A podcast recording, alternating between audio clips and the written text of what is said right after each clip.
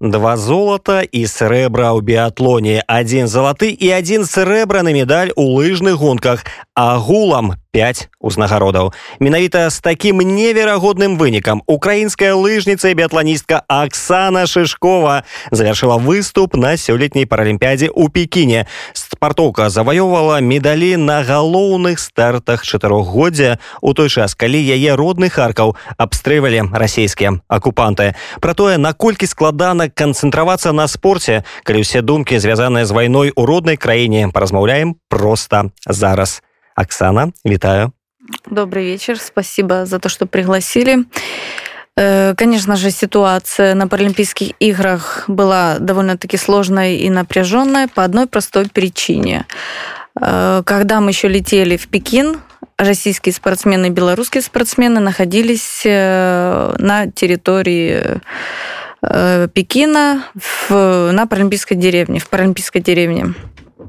И, получается, мы ехали к своим агрессорам. Э, как говорится, спорт не политики, но это все не так. И приехав в, Олимп... в Паралимпийскую деревню, Валерий Михайлович Сушкевич, он попросил собрать весь Паралимпийский комитет. Это для... голодный тренер? Э, это президент наш, украинский всего паралимпийского, паралимпийского э, комитета нашего. И эм, он попросил, чтобы все собрались и приняли решение для того, чтобы дисквалифицировать российских и белорусских спортсменов. Была у него долгая пресс-конференция, и все-таки потом было принято решение отправить э, российских и белорусских спортсменов э, по своим домам. Ну, то бок гэта было прынята рашэнне толькі дзякуючы ініцыятыве украінскага боку а не таму что э, кіраўніцтва паралімпійскага камітэта вырашыла что гэта краіны агрэсары что самое интересное когда мы летели с 1 на 2 э, марта у них было свое заседание и они приняли допустить российских и белорусских спортсменов. Это уже по прилету. Решили даже некоторые спортсмены с других стран сказали, что мы не выйдем на соревнования, мы не выйдем на старты ради того, чтобы их все-таки э, дисквалифицировали. А что за краины такие активные? Э, нет, спортсмены были украінскія ну сэнсе спартоўцы з іншых краінаў таксама але якія? Ну ось якія краіны вырашылі падтрымаць украіну якія салідарызаваліся? Это точно я знаю американцы э, э, потом немцы и еще кто-то все равно присоединялся. Просто вельмі дзіўна, што тая ж нямецчына яна э, не мае такой э, моцнай пазіцыі кіраўніцтва краіны. Яно вагаецца, яны там вырашаюць, як можна залагодзіць ситуацию, а спартоўцы прям с такой позицией.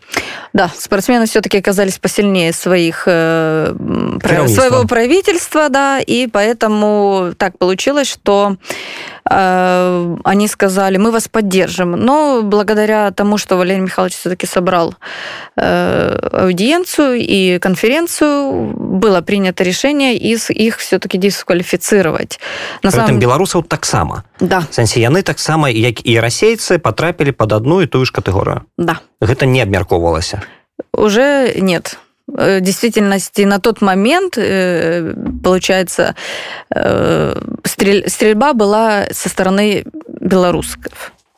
И поэтому было принято решение также белорусскую сборную отправить по домам. А расейцы и белорусы не аспрэшвалі гэтае рашэнне? Конечно, они говорили, спорт ни при чем, мы тут ни при чем. Э, но было принято решение. Потом некоторые спортсмены писали свое недовольство, писали некоторые даже оскорбления в наш адрес, что это по нашей вине их дисквалифицировали. Э, писали куда? В Facebook? В своих телеграм, в инстаграмах, то есть это все было видно. Мне это не интересно, но я слышала от других ребят. Э, Причем они продолжали присутствовать в этой деревне, и нам приходилось сдерживаться, чтобы не было стычек. Потому То что их мы... никто не выгонял, их дисквалификовали, и они спокойно они находились Они еще далее. находились, да, по одной простой причине, потому что им нужно было купить билеты и добираться. Естественно, никто никого не трогал, но взгляды были. Но так как мы более сдержанные, понимали, что мы все-таки находимся на Паралимпийских играх, и нужно понимать, что мы сюда приехали показать э, достойно себя. и поэтому было все хорошо. Ну калі з расейцамі зразумела там свяшчэнная вайна э, перамога над псеўданацыстамі э, дэнацыфікацыях і так далей беларусы що там лезлі у іх-то якая аргументацыя была? Э, честно сказать белорусы наверное больше испугались и все. Русские, да, они еще были возможность там выйти, протесты, что они святые, это нам делать нечего. Э, но белорусы просто молча.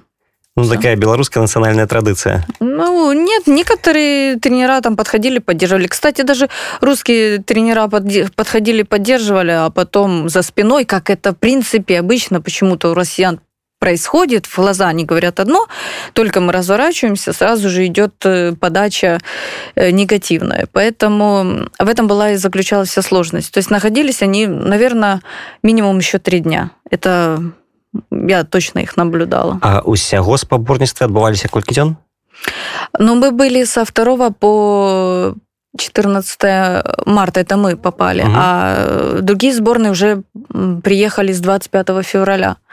У нас даже не было возможности посмотреть нормально трассу, попробовать э, покататься на лыжах. Мы стояли только один раз на лыжах, так как на следующий день пришел ураган, и никто не поехал на трассу. А уже 5 марта был первый старт але зборная Украіны не думалі не ведаю неяк таксама адхіліць ад спаборніцтваў з увагі на тое што сітуацыя ўнутры краіны вельмі складаная было решение ехать не ехать сложность была доставить инвентарь сложность была уже в психологическом плане 24 февраля мы должны были прилететь в Украину город Львов чтобы забрать весь инвентарь экипировку и на следующий день вылетать в Пекин но так получилось, что за пять минут до аэропорта происходит звонок главному тренеру э, Нестеренко Андреевич, и ему говорят «война». А мы едем в автобусе. Конечно же, никто не понимает, как война. Все же было нормально. Все начинают пополнять счет, пытаться дозвониться родным. В действительности дозваниваешься и говорят, да, бомбят. То есть э, мой город Харьков в 4.20 произошел э, выстрел именно в аэропорт. А я там, можно сказать, недалеко нахожусь, и это было все слышно, и тогда я понимаю, что в действительности происходит не так все хорошо, как бы нам хотелось. И было принято решение развернуть нас назад и вернуться. Мы были в Паце это э, в Италии, на 2000 метрах мы тренировались. Мы вернулись назад и продолжали пытаться что-то думать, э, следить за ситуацией. Но все понимали, что с 24 февраля уже не будет той подготовки, которая планировалась дальше продолжаться. Пропал сон, э, пропало желание что-либо, пошла нервная система, переживания за родных. Постоянно звонишь, вы где? Мы в подвале. Вы где? Зашли домой, хоть что-то как-то. Опять звонок, вы где? Мы в подвале. И вот э, ты все время на этом стрессе постоянно следишь за новостями, э, сна тоже уже нету, а тебе нужно выходить, продолжать как-то тренироваться, потому что ты, мы понимали, что все-таки больше процентов мы полетим в Пекин, надо представлять свою страну, Украину. И э, сложность, да, заключалась в том, нет сна, нет хорошего восстановления, питания также есть ничего не хочется. Нужно было собираться, бороться э, со своими страхами и продолжать э, мысль того, что все-таки все будет довольно-таки нормально. Что все будет Украина. Все буде Україна. Э, прапаў сон. Э, нервовая сістэма расшатана ў гэтых умовах. Невядома што са сваякамі. І вы бярэце 5 медалёў три залатыя.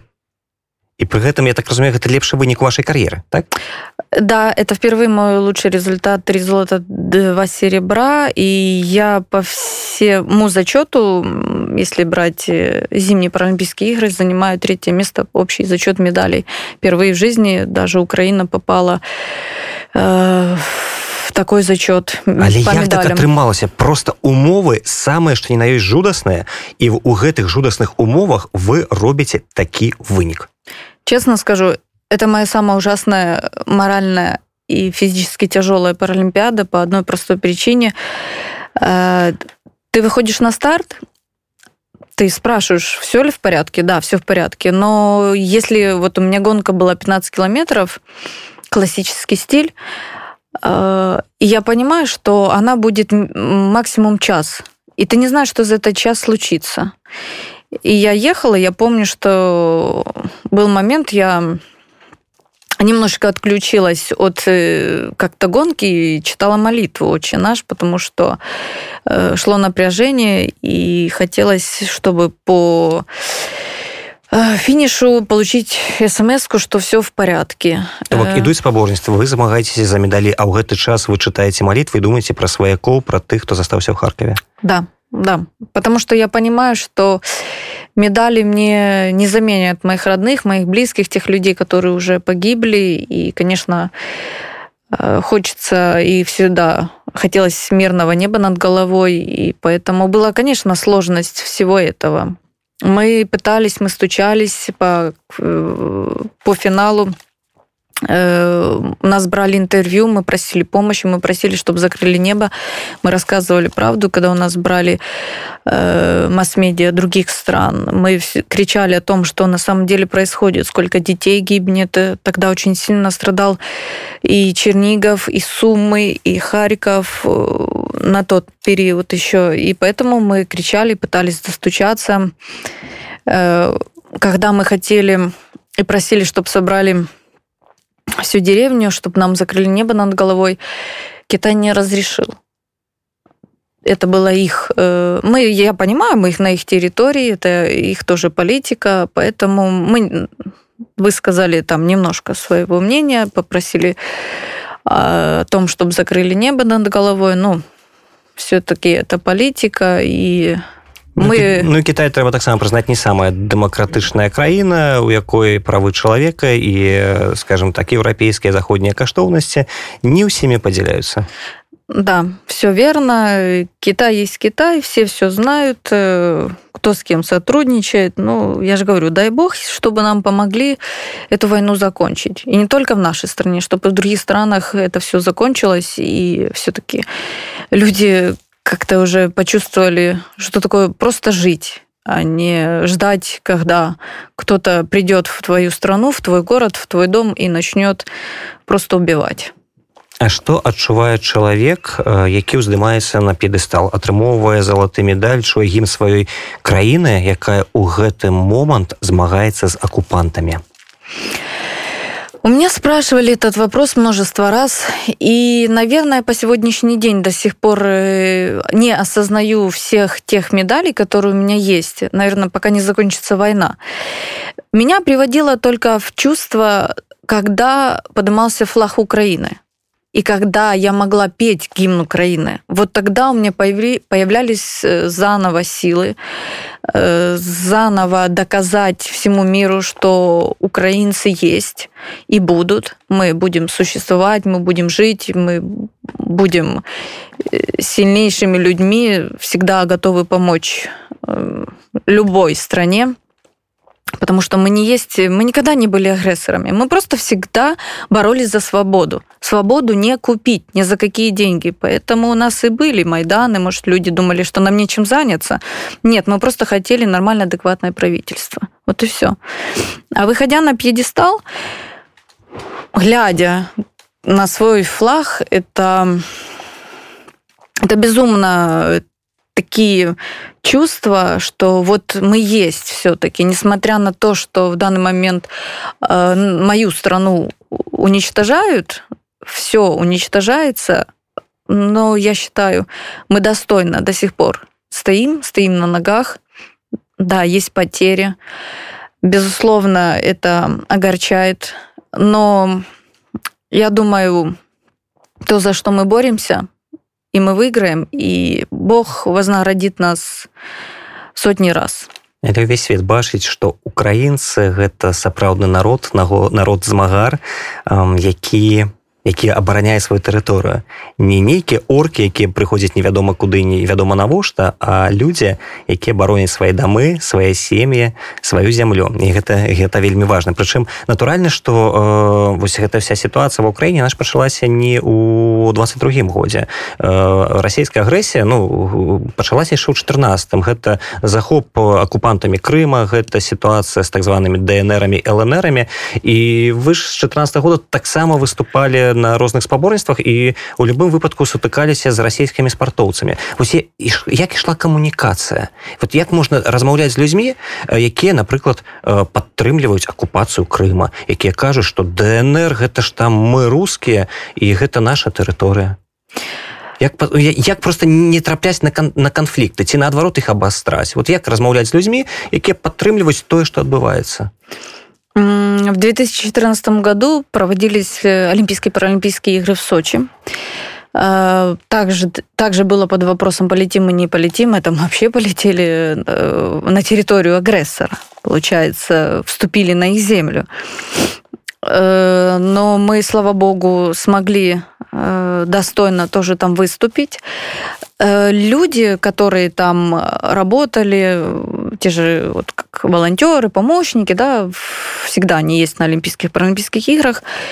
Ни с кем у меня не было конфликтов, ни с кем, но только с одним э, водителем разве что было. Он пытался что-то доказать, я говорю, давайте мы не будем ссориться, лучше вам с нами не связываться.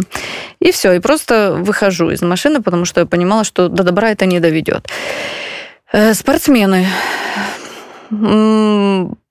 Я как э, спортсмен с российскими спортсменами, в принципе, ни с кем там и не общаюсь. По одной простой причине у меня свои взгляды, и все равно, да, я понимаю, как говорят, спорт вне политики. Нет, спорт в политике все-таки. Это было уже давным-давно доказано. И все время мы встречались, да, э, они были под нейтральным флагом выступали, но все равно они присутствовали с нами. И множество было, конечно же, обид, потому что не хотели они ничего этого останавливать, никто ничего не говорит, да, по сей день они молчат просто. Вот эти Паралимпийские игры, как видите, нам удалось добиться того, чтобы их не допустили. Не потому, что мы злые или плохие, потому что в действительности наступила война. Войны не было, также они выступали под нейтральным флагом, ну, мы сцепили зубы, понятно, но извините, пришла война.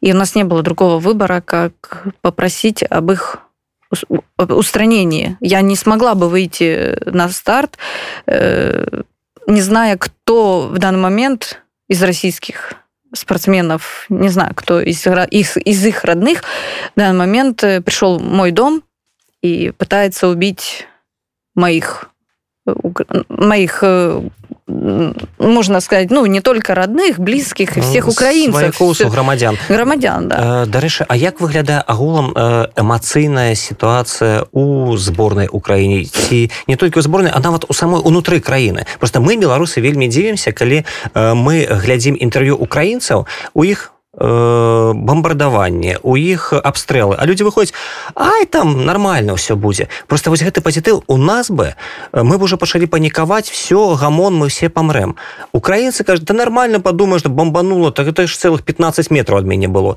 і для нас гэта ну настолькі незразумела гэта карыса украінцаў Да, это, наверное, у нас в крови. Ну, вот не боимся мы. Вот, тем, вот мы казаки, которые бомбануло, да, мы все равно выйдем. Ударили нас, мы встанем и дальше пойдем. Мы все равно всегда своего добивались. Такие незломные. Да, видимо, мы не зламні, це, це справді так. Мне не подобается, когда вы переходите на украинскую мову. Мне очень было тяжело признаюсь, в психологическом плане, морально мне очень было тяжело, когда день подходил к отъезду. Тогда очень было тяжело, мы не понимали, куда мы вернемся. Мне все время задавали этот вопрос, куда вы хотите вернуться, куда вы вернетесь? Я говорю, я хочу в Украину, я хочу в свой дом, родной дом, где я родилась. И мы не были с 27 декабря, то есть я не видела родных, близких, друзей, знакомых, всю свою Украину. И, конечно же, я говорила, я хочу вернуться только в Украину и только в свободную страну, вот, э, чтобы она была освобождена, чтобы русское население поняло, как оно поступает с нами. А, дарэчы ваши сваякі яны засталіся ў харкаве ваши сваякі бацькі родные да у меня еще есть в харькове і яны не выязджаюць прынцыпова ну не то чтобы принципиально но я уже опасаюсь того куда как попадет как вывести так что да прячутся вот в данный момент э, у меня был звонок с мамой и получается она прячется бомбоубежищем То есть это... Вось дадзеную хвіліны дадзены момент. Как я к вам вот буквально перед выездом, я понимаю, что я не могу дозвониться ни на Viber, ни на WhatsApp, я звоню на мобильный, э, говорит, прячемся. Але при этом спокойно. Да, да. А, я не знаю, откуда. На самом деле для меня они тоже герои. Все те люди, которые остались, которые это переживают с каждым днем, просто одна просьба для людей, чтобы они прятались. Поменьше не выходили э, в открытые места, потому что стреляют уже куда попало. По-другому я это не назову. Просто хочется, чтобы люди выходите гулять, но где-то так, чтобы можно было забежать спрятаться. Я понимаю, наш народ выйдет, он даже так и шашлыки пойдет жарить. Ну вот у нас такие люди, как-то вот бесстрашные. В этом, конечно, да, наконт бесстрашая глядзеў сёння інтэрв'ю вашага мэра ігора серыхава сказал да у нас тут страляюць гэта конечно все вельмі так важно і страшно але мы цяпер будем высаживать кветки вот у нас ёсць клумбы а кветак няма і люди реально выходзяць і садзяць кветки Вы знаете, меня всегда это удивляло. Я, я сказала, ну, вот когда меня спрашивали, а что вы будете делать, когда приедете в родной Харьков? Я говорю, лично пойду убирать все эти осколки, все. И я понимаю, что я вижу, как Харьков убирается, как, насколько он чистый. Наш Харьков из всей Украины в действительности самый чистый. Не потому, что я там живу, а потому, что я наблюдала и ездила по всей Украине. И это так круто. И власть именно бережет свой город. И я бы хотела, чтобы э, каждый мэр своего города, вот как и в Николаеве, Но мне здаецца гэта ввогуле сімбаль. Я э, чытаў пра тое што мэр Нікалаева гэта ввогуле секс-сімбаль э, Украіны цяперашні ну, ну, для кого я для кого как да. Але, ну... але сапраўды дарэчы вось чынавенства украінскае яно радыкальна адрозніваецца ад расійскага ад беларускага вось сваім гэтым стаўленнем сваім выхадам да людзей тлумачэннем сітуацыі. Многія мэры про якіх ну раней стаўлен да іх было спецыфічнае цяпер гэта людзі за якімі цягнуцца якіх чакаюць інтэрв'ю якія просто падтрымліваюць вось гэтую ну станоўчую даволі пазітыўную атмасферу якія тлумачыць што адбываецца і калі будзе перамога да э, я тоже многих не слышала мэрах раньше а теперь смотрю видео думаю ничего себе и это гордость гордость что наконец-то можно проявиться проявить свой характер и ничего не бояться и поэтому э, это очень приятно. Да, Харьков у нас расцветает, э, коммунальщики работают, под э, обстрелами работают. Люди ездят бездомных животных кормят, тоже слышу, да, два раза мы нас обстреливали, ну ничего, все нормально. То есть несмотря і, на это там гэты зоопарк есть экопарк і які таксама дапамагаюць з усёй Украіны там высылаюць гэтым львам нейкую ежу. Их думалі як перамясціць аднаго месца ў іншае пасля вырашылі пакінем тут але будзем падкармліваць. Там же таксама цэлая гісторыя аперацыя по дапамозе гэтым жывёлам Да, да, нам всячески помогают, и я тоже где вижу любую статью, помощь бездомным животным, я всегда пытаюсь... Ну, просто не, вельми не хотелось, как бы по городе ходили бездомные тигры. Э, ну да, этого, конечно, бы не хотелось, но, слава богу, как бы есть помощь, да. Опять-таки, это животные. И все-таки нужно безопасности и им предоставить, и себя обезопасить от таких, как львы, понятно. Вот. И э, Поэтому все, слава богу, волонтеры, все, кто могут, помогают, и это э, очень хорошо. Дарэч наконт бяспекі апошнім часам з'яўляецца паведамленне што ва ўкраіну вяртаецца больш людзей чым выязджае. Пры гэтым улады кажуць што яшчэ рана яшчэ не час. Пачакайце але людзі вяртаюцца дадому нягледзячы на тое што у многіх гэтага дома уже няма Объясню почему. Если люди считают, э, что беженцам э, намного легче, нет, им тоже нелегко, так как э, люди, некоторые бежали, просто в чем одеты были, схватили своих детей убегали. Прожить здесь тоже тяжело. Я не имею в виду Польшу, то есть за границей. Прожить, когда ты все-таки в чужой стране, ты чужак. У них нет возможности, например, да, дают пособие, я не спорю, но если люди уже не могут находиться, или по одной простой причине финансово они уже не могут, да, их, они просто возвращаются домой. Я не знаю, да, я это тоже читала, как бы я понимаю, что еще рано возвращаться, потому что не хотелось бы, чтобы было больше э, смертей нашего мирного населения. Поэтому, конечно, бы хотелось, чтобы люди немножечко еще потерпели. Хіба это не про украинцев. Украинцы не умеют терпеть. Ну, мы не умеем, мы всегда хотим какой... Мы всегда боролись за справедливость, против коррупции, справедливость, э, чтобы у нас была свобода. И я, например, да, живу в Украине. Я з города Харкова. Мені проще розмовляти на русском. Хоча я розумію українську мову, але спілкуюсь дуже рідко. І, звісно, хотілося б, щоб не ущемляли потом, если я буду разговаривать на русском языке. А ущемляюсь? Ну, как обычно, депутаты там сидят и пытаются что-то придумать, кто-то пытался в закон сделать, что все разговаривали просто на украинском языке.